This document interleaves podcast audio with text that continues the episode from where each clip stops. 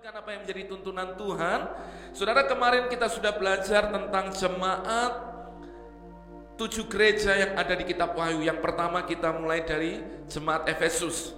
Mereka melayani, mereka setia, tetapi mereka kehilangan kasih yang semula.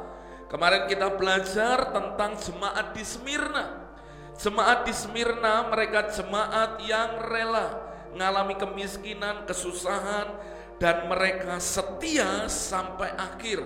Bahkan Tuhan berjanji akan memberikan mereka yang namanya mahkota kehidupan. Dan hari ini kita akan belajar tentang gereja jemaat di Pergamus. Ya saudara, jemaat-jemaat ini adalah mewakili gereja Tuhan hari-hari ini yang ada di akhir zaman ini. Yang ketiga, kita akan belajar tentang jemaat di Pergamus. Saudara, mari sama-sama kita buka Alkitab kita, kita buka di dalam Wahyu pasal yang kedua. Wahyu pasal yang kedua ayat yang ke-12 sampai 17. Wahyu pasal yang kedua ayat yang ke-12 sampai 17. Saudara kita akan coba nanti bedah dari ayat per ayat dan kita lihat apa yang luar biasa dari jemaat ini, apa yang dicelanya oleh Tuhan sehingga kita bisa belajar menjadi gereja Tuhan umat Tuhan yang terus berkenan kepadanya. Wahyu pasal 2 ayat 12 sampai 17. Perhatikan firman Tuhan. Kepada jemaat di Pergamus dan tuliskanlah kepada malaikat jemaat di Pergamus. Inilah firman dia yang memakai pedang yang tajam dan bermata dua. Aku tahu di mana engkau diam, yaitu di sana. Perhatikan, jemaat ini diam di sana, di tempat tahta iblis. Dan engkau berpegang kepada namaku, dan engkau tidak menyangkal imanmu kepadaku, juga tidak pada zaman Antipas, saksiku yang setia kepadaku yang dibunuh di hadapan kamu di mana iblis diam. Perhatikan ayat yang ke-14. Tetapi aku mempunyai beberapa keberatan terhadap engkau. Di antaramu ada beberapa orang yang menganut ajaran Bileam, yang memberi nasihat kepada Balak untuk menyesatkan orang Israel. Perhatikan, supaya mereka makan persembahan berhala dan berbuat zina. Demikian juga ada padamu orang-orang yang berpegang kepada ajaran pengikut Nikolaus.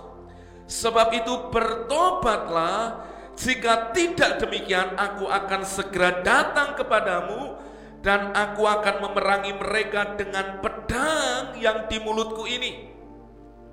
Siapa bertelinga, hendaklah ia mendengarkan apa yang dikatakan roh kepada jemaat-jemaat. Barang siapa menang, kepadanya akan kuberikan dari mana yang tersembunyi dan aku akan mengaruniakan kepadanya batu putih yang di atasnya tertulis nama baru. Perhatikan.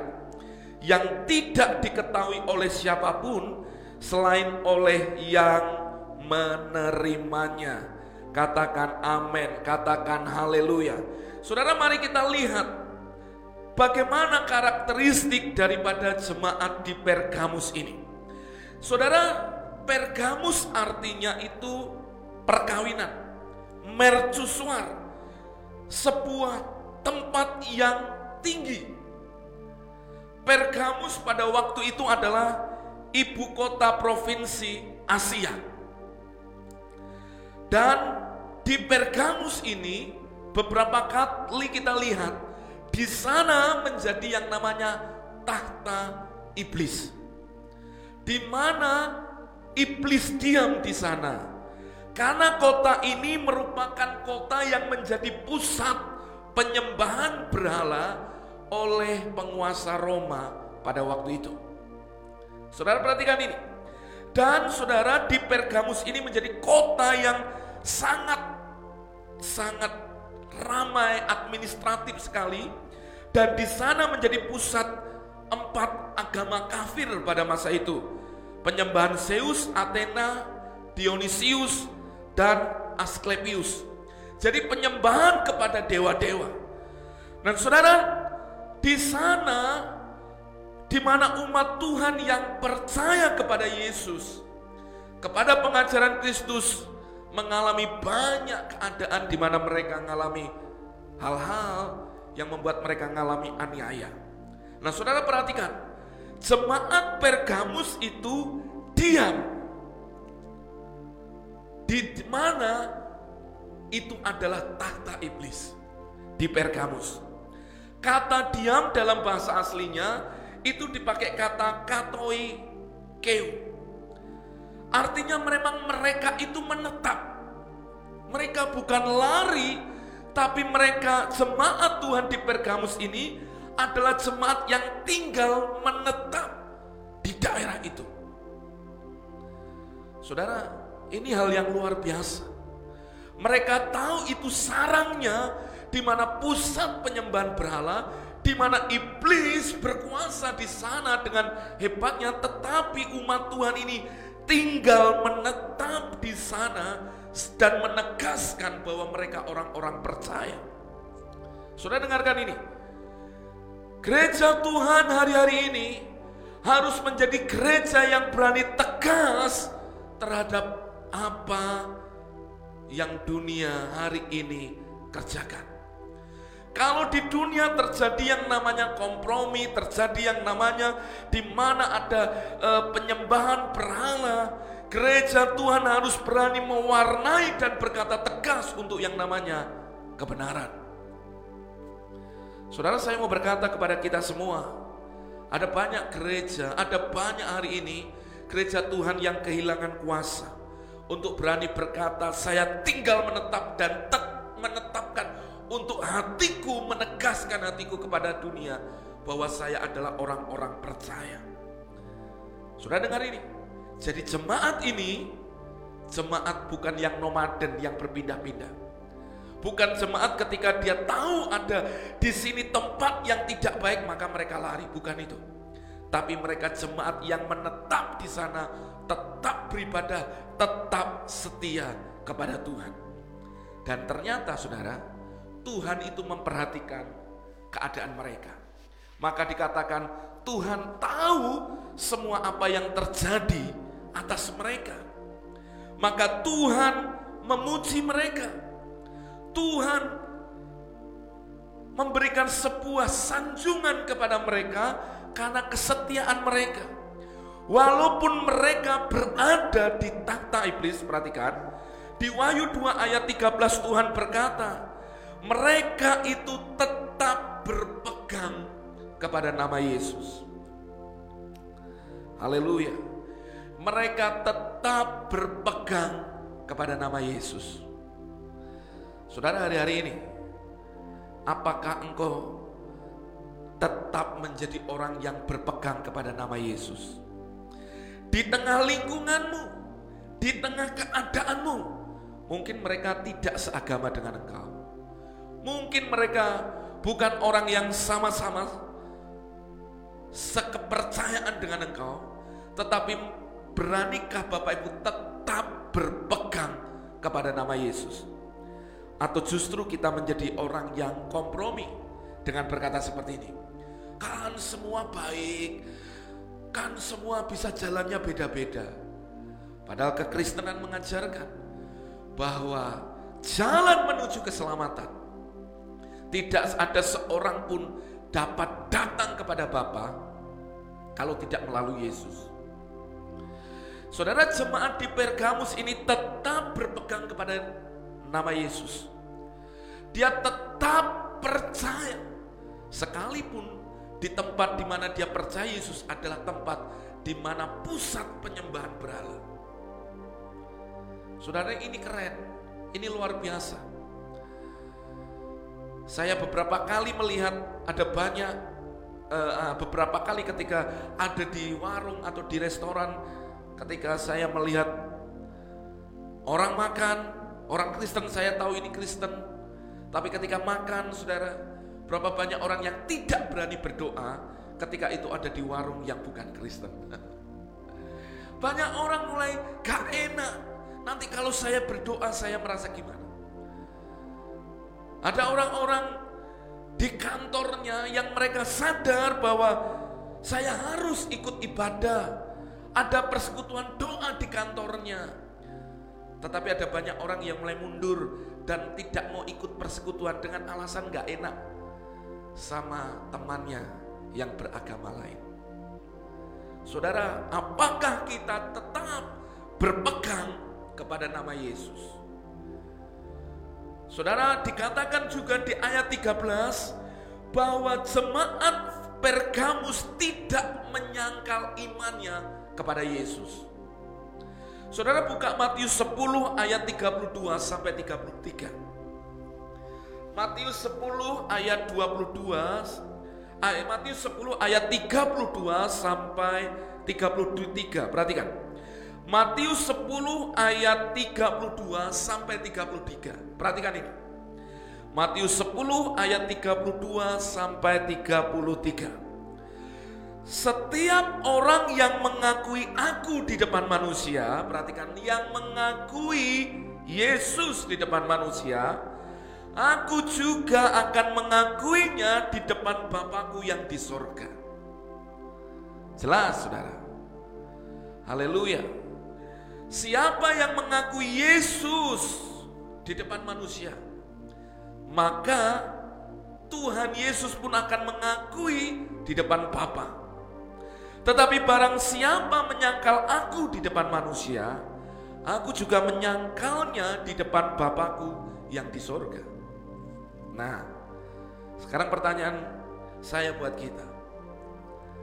Apakah kita menjadi orang yang kompromi dan berujung kita menyangkal Yesus atau hari ini kita tetap berani memutuskan di tengah keadaan, di tengah kondisi di mana kondisinya mungkin bukan seagama, bukan sealiran dengan kita tapi apakah kita tetap berani mengakui Yesus di depan manusia?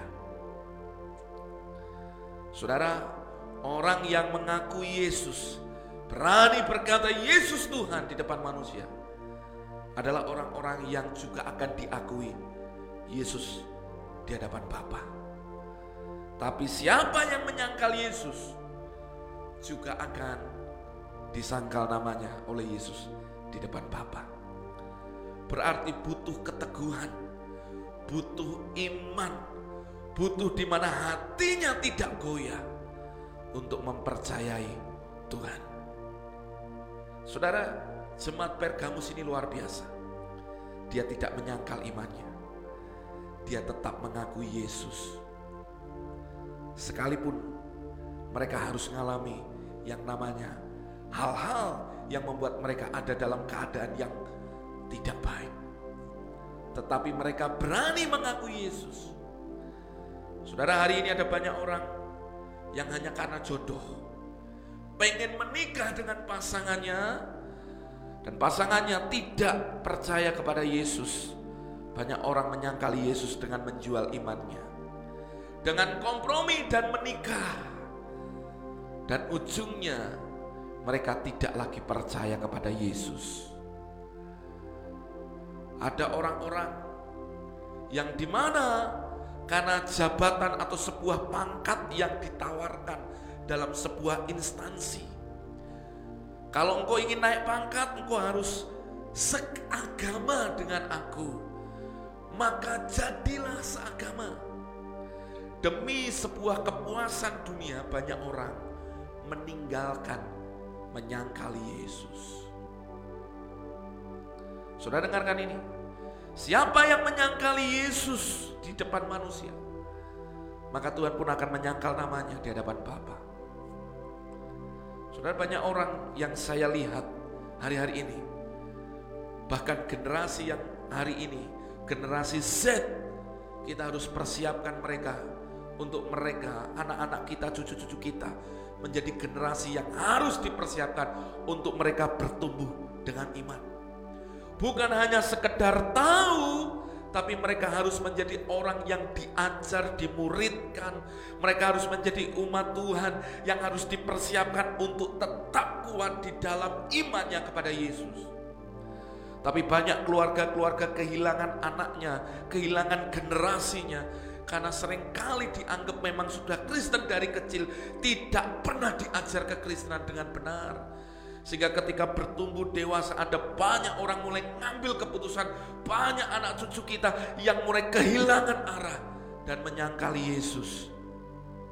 Karena hanya urusan jodoh. Saudara mari kita perlu berdoa benar-benar. Kita belajar seperti jemaat di Pergamus ini.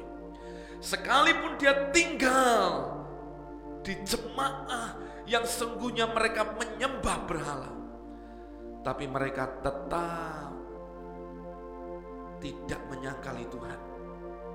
Mereka tetap berdiri dengan iman. Bagaimana dengan hidupmu?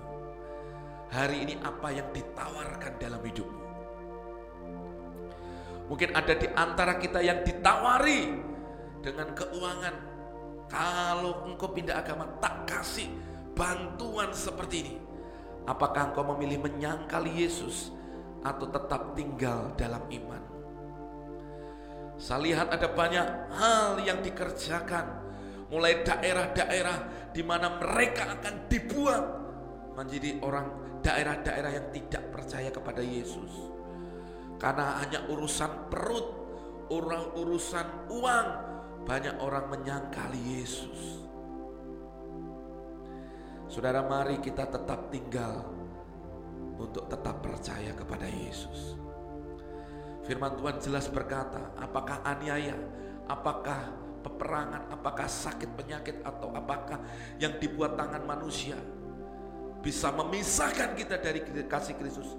Sesungguhnya tidak ada satupun yang bisa memisahkan kita dari kasih Kristus. Jadi bicara yang namanya kekristenan bukan bicara hanya sekedar pemenuhan kebutuhan jasmani tapi bicara kekristenan, bicara tetap kita percaya. Sekalipun keadaan tidak seperti yang kita harapkan. Tetapi kita tetap memilih untuk aku mau percaya. Tidak menyangkal imanku kepada nama Yesus. Amin, saudara. Jangan jual Yesus. Jangan pernah jual Yesus dalam hidup kita. Dalam hal apa pun. Amin. 2 Timotius 2 ayat yang ke-12. 2 Timotius 2 ayat yang ke-12 perhatikan. 2 Timotius 2 ayat yang ke-12 dikatakan Jika kita bertekun kita pun akan ikut memerintah dengan dia. Amin. Jika kita tetap bertekun di dalam Yesus kita pun ikut memerintah. Kita punya yang namanya otoritas ilahi di dalam dia jika kita menyangkal dia, dia pun akan menyangkal kita. 2 Timotius 2 ayat 12. Jika kita bertekun, kita pun ikut memerintah dengan dia. Artinya kita mendapat bagian dalam kekekalan kita. Tapi kalau kita menyangkal dia, dia pun akan menyangkal kita. Saudara mari doakan keluargamu, anak-anakmu, yang dulunya mereka adalah orang-orang yang percaya. Tapi hari-hari ini mungkin mereka meninggalkan Tuhan. Karena hanya urusan-urusan yang mungkin mereka hadapi dalam pergumulan hidup ini. Saudara kita perlu berdoa supaya kita tetap menjadi keluarga umat Tuhan yang di dalam Tuhan yang diselamatkan Tuhan. Amin, saudara. Mari beribadahlah kepada Tuhan dengan takut dan gentar dan kita tetap menjadi orang-orang percaya. Saudara, walaupun demikian, walaupun jemaat di Pergamus mereka jemaat yang luar biasa, tetapi Tuhan juga mencela mereka.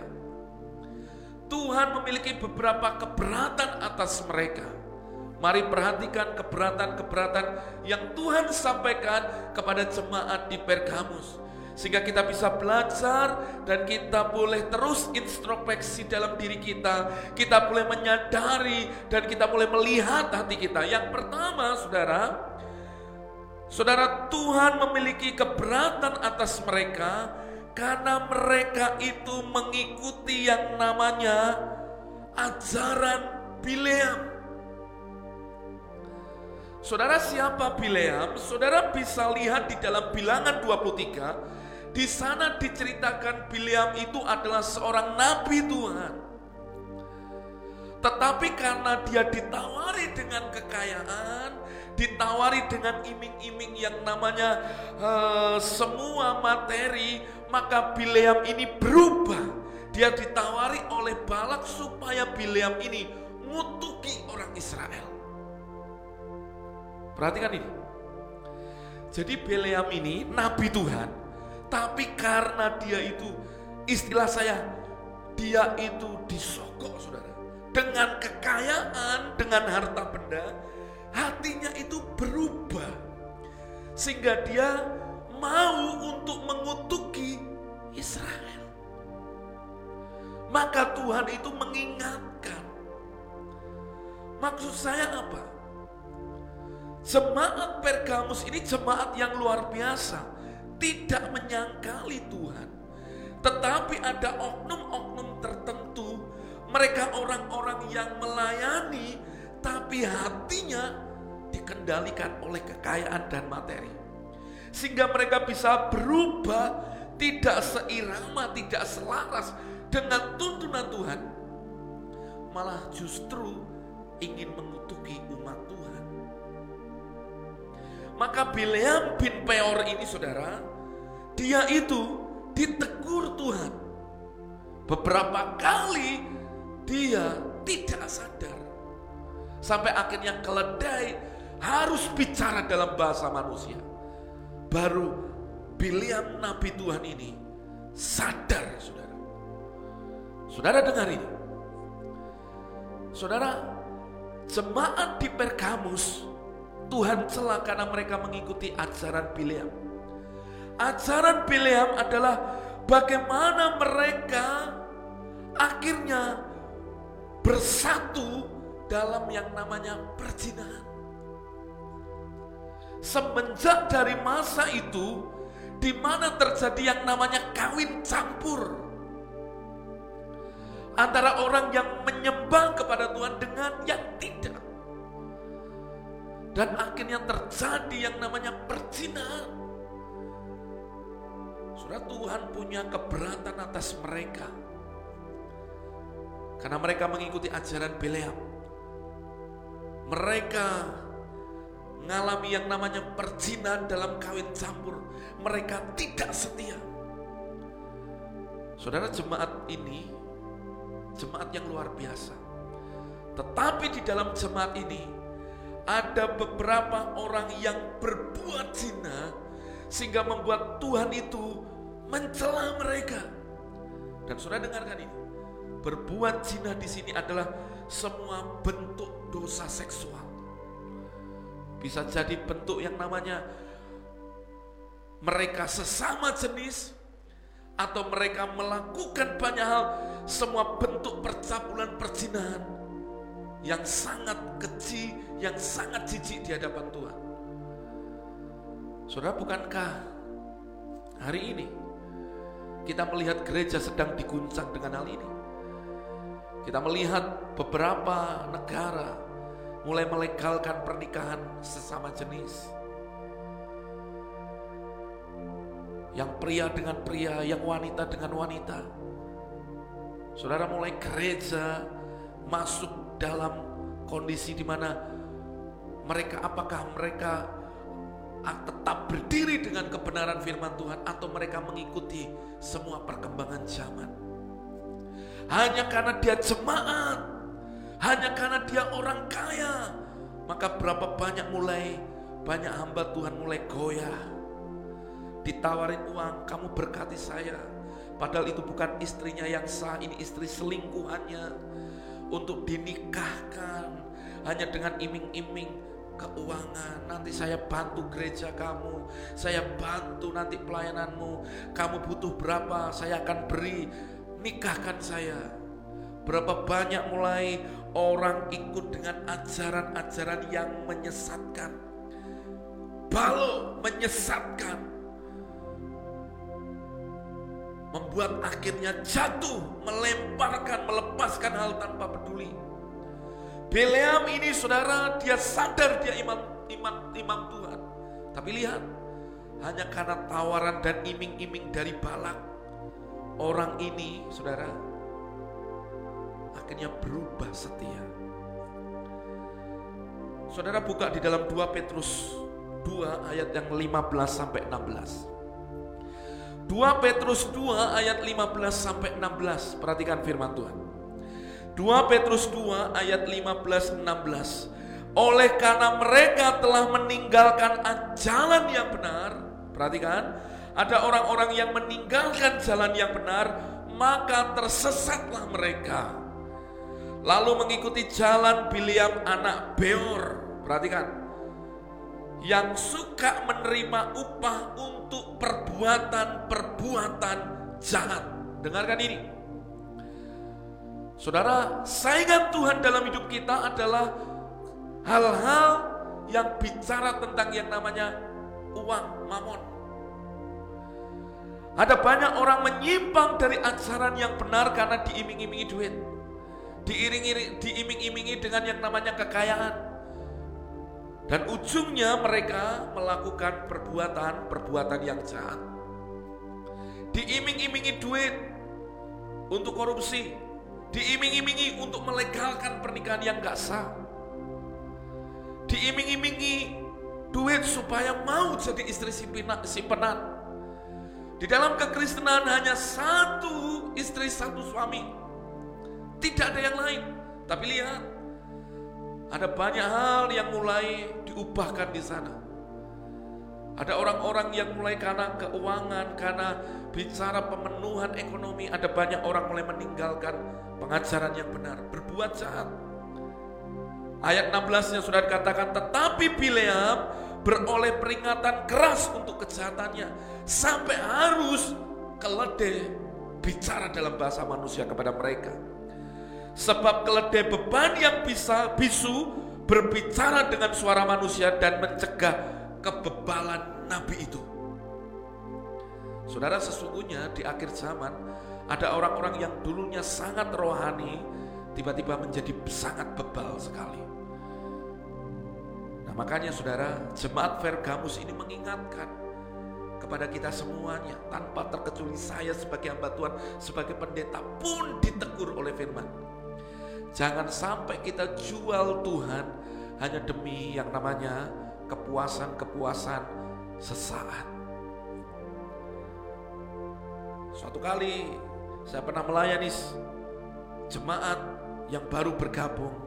Saya tanya bagaimana untuk dia itu diteguhkan pernikahannya. Dia sudah menikah. Dia datang dengan istrinya tapi dia ingin diberkati ulang. Lalu saya tanya bagaimana pernikahanmu? Dia berkata dengan jujur, Dulu saya menikah pak, karena istri saya sudah hamil duluan. Saya nggak tahu bagaimana untuk saya menikah.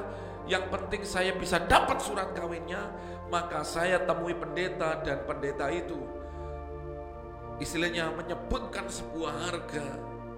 Lalu dia diberkati di, per, di rumahnya dan dia mendapatkan surat dari gereja. Dan semenjak saat itu dia yang sudah dinikahkan ini tidak pernah muncul ada di gereja. Karena orang ini hanya berpikir yang penting saya dapat surat sahnya untuk mengurus nanti di catatan sipil. Sebenarnya kalau ditanya apakah dia bertobat, dia tidak bertobat. Dia hanya butuh suratnya. Tapi yang ironis, ada banyak yang namanya pelayan Tuhan, umat Tuhan, hamba-hamba Tuhan yang kompromi dengan ini supaya dia melegalkan sesuatu yang Tuhan larang tetapi justru dikerjakan. Saudara, saudara mari renungkan ini. Berapa banyak kita jumpai hal-hal yang sedemikian. Sehingga akhirnya pernikahan berujung pada banyak masalah, banyak yang namanya uh, perceraian karena hal-hal seperti ini. Saudara, mari saya mengajak kita semua, siapa pun kita, sekali kita hidup dalam kebenaran, kita tetap harus hidup di dalam kebenaran. Sekali Yesus tetap engkau berkata, Yesus segalanya buat saya. Katakan amin. Saudara tidak kompromi dengan dosa. Tapi saudara akan tetap hidup di dalam kebenaran. Jadi saudara, ajaran Bileam ini bicara yang pertama pernikahan. Pernikahan dalam perzinahan.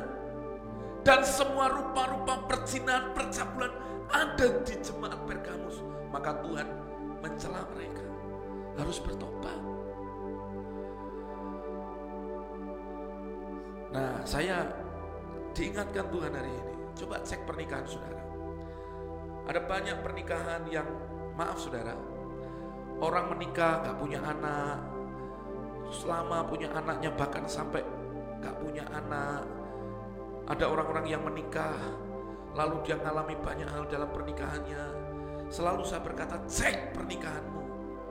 Apakah kau menikah memulainya dengan benar, atau ada sesuatu yang salah yang kau sudah mulai? Saudara sesuatu yang salah di awalnya ketika itu terus diterus-teruskan tidak bertobat akan semakin melenceng tambah besar. Maka coba cek saudara. Ada banyak rumah tangga-rumah tangga yang kacau, rumah tangga yang tidak maksimal. Karena sering kali dimulai dari sesuatu yang salah.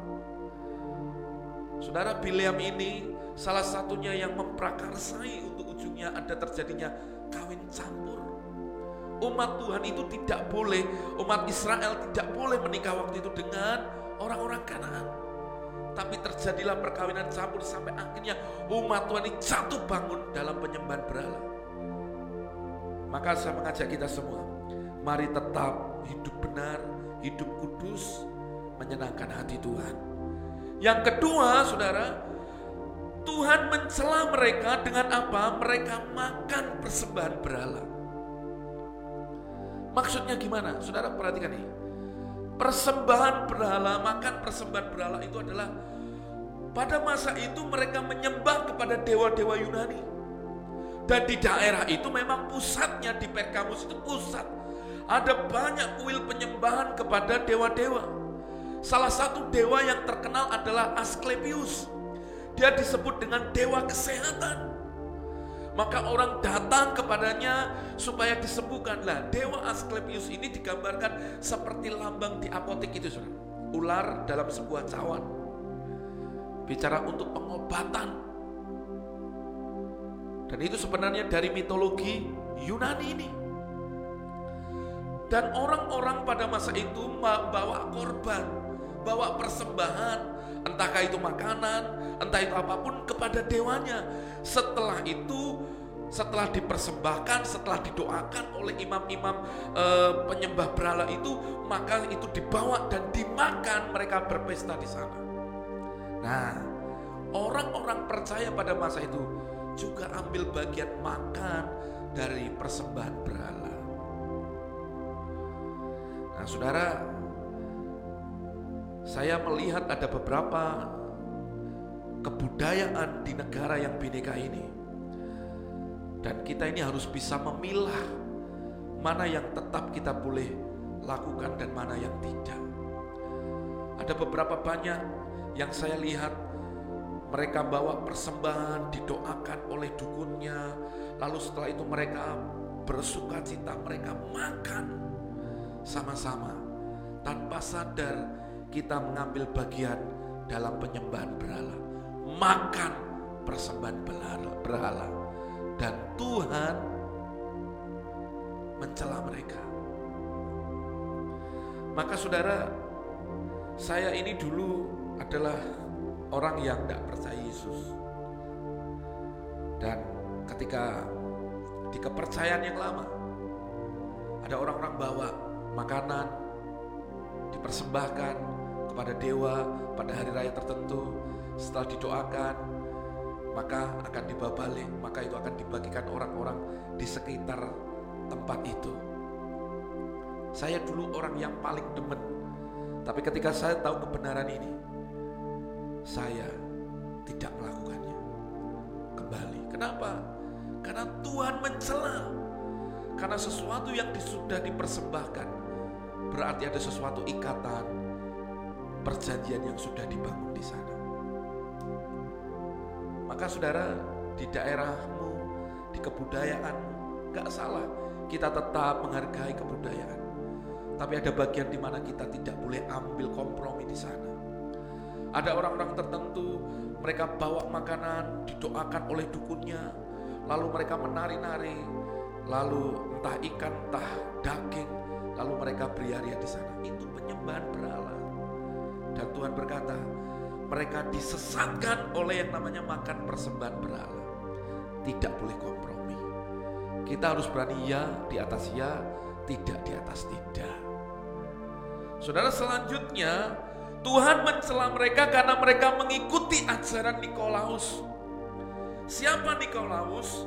Sebenarnya Nikolaus adalah seorang dari tujuh orang pilihan. Ajarannya berkata apa? Ia menyimpang dari ajaran sehat dan mengajarkan orang Kristen bebas berbuat apa saja karena dia sudah diselamatkan, sudah ditebus, maka dia bebas melakukan apa saja dan mencampur baurkan kekristenan dengan kekafiran. Jadi ajaran Nikolaus ini membuat akhirnya jadi campur baur. Kita sudah diselamatkan, beribadah ke gereja boleh, tapi ke dukun boleh juga. Ke orang pinter ramal boleh. Kita datang ke dukun-dukun tertentu yang punya uh, kesaktian boleh, boleh. Ajaran Nikolaus membuat kekristenan jadi kompromi, saudara. Hari ini ke gereja, besok kita boleh datang ke tempat-tempat untuk spiritual di mana ada kekuatan magisnya di sana. Meruat, melakukan sesuatu. Apakah boleh? Ajaran Nikolus tidak apa-apa. Karena mereka percaya kita sudah diselamatkan Yesus. Dengarkan ini. Tanpa sadar kita sedang mendua hati dan kita sedang menyangkali iman kita. Saudara kita harus putuskan dengan iman hari ini bahwa apa yang kita sudah bangun dalam kekristenan dengan pengajaran sehat, Yesus cukup buat kita. Sekali Yesus tetap Yesus untuk selama-lamanya. Amin. Jangan kompromi. Nanti saudara diajak ke mana? Kalau saudara tidak punya prinsip kebenaran, saudara akan ikut juga. Pak, tapi katanya Pak supaya untuk nolak bala di depan toko harus dikasih sesuatu untuk ditempel-tempel kan nggak apa-apa kan yang penting maksudnya baik. Boleh Pak? Salah tidak boleh.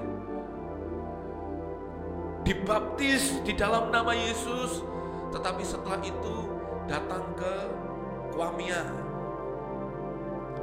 meramal nasib. Apakah boleh? Salah Berarti kita sedang kompromi dalam pengajaran. Tidak boleh mendua hati. Kalau ada orang-orang Kristen masih suka kedukun, masih percaya-percaya ramalan, saudara harus balikan itu dan berkata, di dalam nama Yesus setiap ramalan yang tidak baik tidak terjadi dalam hidup saya. Saudara harus berani berkata demikian. Tapi ada banyak orang masih percaya gitu. Percaya orang-orang pintar. Saudara, ironis. Maka saudara kita harus berani berdiri di dalam kebenaran. Kebenaran adalah kebenaran. Pengajaran sehat harus pengajaran sehat. Di dalam Yesus harus sungguh-sungguh di dalam Yesus. Kita tidak boleh kompromi dengan apa pun. Berjalan di dalam kebenaran Kristus. Berani berpegang teguh kepada kebenaran Kristus. Pak, tapi di di keluarga saya ada banyak mungkin ada keluarga yang beragama ini yang keluarga beragama ini Pak. Bagaimana Pak?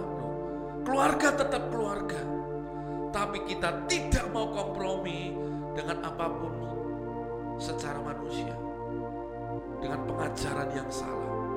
Orang angkat ini jenazah lalu disuruh muterin berapa kali Gitu aja masih percaya supaya nanti tidak ada namanya ikatan. Siapa yang ngajarin seperti itu? Tapi saya melihat di daerah tertentu ada orang-orang yang angkat jenazah, sudah harus muterin beberapa kali supaya dilupakan. Ada orang-orang yang masih percaya roh orang mati nanti bisa datangin kepada kita. Dengarkan ini. Tidak ada yang namanya roh orang mati. Kita dengan orang mati sudah beda dunia. Jadi kita tetap tinggal di dalam kebenaran Kristus seutuhnya. Jangan kompromi, tapi berpegang teguh pada pengajaran Tuhan. Dan perhatikan, siapa yang berubah, siapa yang hidupnya bertobat, dari semua keberatan yang Tuhan nyatakan kepada jemaat Pergamus. Tuhan berjanji dia akan memberikan dari mana yang tersembunyi. Berarti mana bicara pemeliharaan. Orang Israel mereka setiap pagi mereka makan mana karena mana seperti uh, saudara seperti embun turun pada pagi hari dan mereka makan dan dikatakan rasanya seperti madu bicara pemeliharaan Tuhan sempurna jadi saudara orang-orang yang mau bertobat berubah kepada jemaat di Pergamus Tuhan berkata yang bertobat yang berubah dan meninggalkan kejahatan mereka Tuhan memberikan mana dari tempat yang tersembunyi. Artinya apa? Di tempat di mana di sana pusat penyembahan berhala. Tetapi ketika ada orang-orang yang tetap berpegang teguh pada kebenaran Tuhan memberikan pemeliharaan yang sempurna buat mereka. Saudara dengarkan ini ada banyak jalan bisa ditutup secara manusia. Tapi yang jelas, kalaupun tidak ada jalan, Tuhan sanggup buka jalan buat kita. Jadi jemaat yang ada di Efes, di Pergamus ini adalah jemaat-jemaat yang harus berdiri dan tetap tinggal dalam kebenaran. Orang yang tinggal dalam kebenaran akan mendapatkan pemeliharaan lewat mana surgawi, bicara apa yang ilahi, secara rohani, secara jasmani. Tuhan pelihara hidup kita. Yang kedua, dikaruniakan batu putih dengan nama baru. Ini bicara tentang sesuatu Tuhan memeteraikan hidup kita dengan nama Tuhan yang secara spesifik yang Tuhan beri dalam hidup kita. Sama ketika seperti Abraham, Tuhan mengganti namanya menjadi Abraham. Dari orang yang biasa Tuhan jadikan menjadi bapak banyak bangsa. Artinya ada tujuan ilahi yang Tuhan taruh kepada nama yang baru itu. Dari Sarai menjadi Sarah. Bicara ada nama tujuan ilahi yang Tuhan beri. Dan kepada orang-orang yang setia, dia dimeteraikan dengan nama Tuhan sebagai bukti milik Allah. Artinya jemaat Pergamus ini tempat di mana tahta iblis artinya di Pergamus itu mereka ada dengan kondisi di mana mereka di pusat penyembahan berhala. Tapi ketika ada umat Tuhan yang tetap berdiri dalam kebenaran, Tuhan memelihara mereka dan Tuhan memberi mereka nama baru. Artinya apa? Tuhan memeteraikan mereka dengan nama yang baru dari Allah sebagai bukti milik Allah sendiri. Jadi hari ini saudara, mari belajar dan hidup terus dalam kebenaran Tuhan. Jangan kompromi menjadi kekristenan yang hidup habis-habisan, mati-matian di dalam Tuhan. Jangan kompromi dengan dosa. Jangan kompromi dengan sesuatu yang kelihatannya menyenangkan daging tapi ujungnya kepada kebinasaan. Mari sama-sama tuliskan di live comment Saudara yang ada mendengarkan hari mari tuliskan di live comment berkata gini. Yesus cukup buat hidup saya. Ayo tuliskan di live comment. Yesus cukup buat hidup saya. Katakan amin. Katakan dengan iman. Yesus cukup buat hidup saya. Amin. Tuliskan di live comment. Yesus lebih daripada cukup buat hidup saya. Dan saya tidak menyangkali dia. Amin. Amin. Haleluya. Yesus cukup buat kita dan kita tidak menyangkali namanya. Haleluya. Puji Tuhan, puji Tuhan, puji Tuhan. Tuliskan itu di live komen. Saudara sebagai komitmenmu di hadapan Tuhan. Sampai kapan pun Yesus cukup buat saya, buat keluarga saya, dan saya tidak akan pernah menyangkali dia. Ya, saudara jangan sampai kita ini akhirnya kompromi dengan banyak hal. Saudara hari ini putuskan semua keberatan-keberatan Tuhan kepada jemaat di Pergamus. Saudara hari ini berubah bertobat. Yang masih tinggal dengan uh, masih punya banyak selingkuhan, singkirkan itu. Yang tinggal dalam persiman, singkirkan itu dari hidupmu. Yang masih suka kedukun-dukun, singkirkan itu. Yang masih suka makan persembahan beras, singkirkan itu. Harus berani ambil keputusan untuk hidup benar, mengasihi Tuhan. Haleluya, haleluya. Puji Tuhan, puji Tuhan, puji Tuhan. Saya melihat komen Bapak Ibu luar biasa.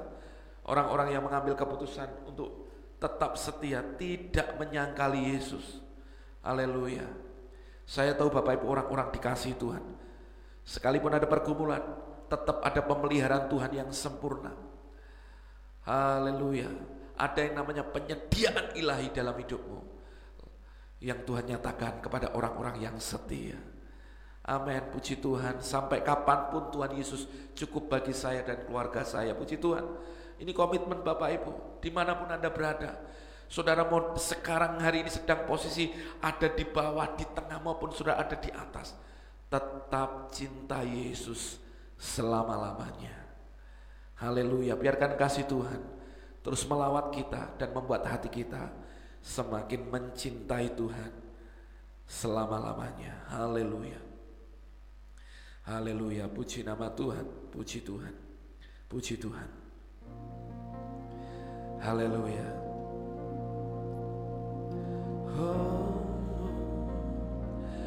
Sampai akhir ku menutup mata, ku tetap setia menanti janjimu. Sampai ku dapatkan mahkota kehidupanku tetap setia melayanimu.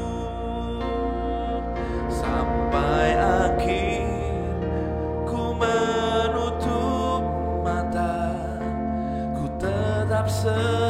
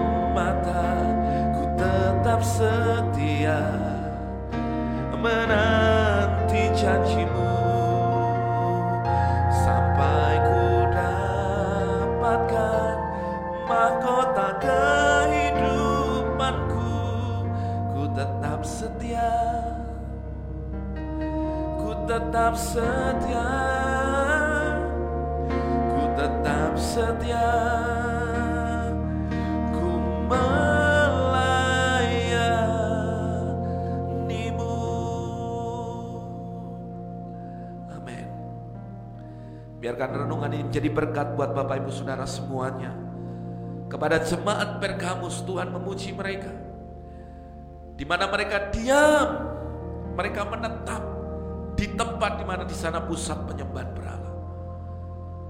Tapi mereka tidak menyangkal nama Yesus. Mereka tetap setia dan mereka tetap mengakui Yesus di depan manusia. Sudah dengarkan firman yang berkata kepada kita, tapi Tuhan pun memiliki keberatan atas jemaat ini karena mereka mengikuti ajaran Bilean. Orang-orang yang gampang dikendalikan dengan upah, dengan uang, dengan mamon. Sehingga akhirnya tidak sejalan dengan rencana Tuhan. Ada orang-orang di mana mereka hidup dalam perzinahan. Makan makanan yang sudah dipersembahkan kepada berhala. Dan hidup yang mencampur adukan kekristenan dengan kekafiran Mari hari ini memutuskan untuk kita hidup berani tinggal di dalam kebenaran Kristus. Semakin kita mengenal Yesus, semakin kita cinta dan sampai selama-lamanya. Tuhan memberkati umat Tuhan yang sudah mendengarkan firman-Mu, meteraikan firman-Mu dalam hidup kami dan kami percaya berkat-Mu melimpah dalam hidup kami. Terima kasih Tuhan. Apa pun pergumulan umatmu, pokok-pokok doa yang dikirimkan, yang sakit hamba berdoa di dalam nama Yesus. Kesembuhan yang datang daripada Tuhan mengalir dalam hidup mereka dan hamba berkata mulai hari ini dan seterusnya Semua yang dahsyat, semua yang ajaib terjadi dalam hidup mereka. Terimalah berkat yang terbaik dari Allah Bapa, Cinta kasih daripada Tuhan Yesus dan persekutuan yang manis daripada Allah Roh Kudus Menyertai memberkati kita semua. Dari hari ini sampai selama-lamanya Yang diberkati Tuhan dengan iman Sama-sama berkata Amin, amin, amin, amin. Terima kasih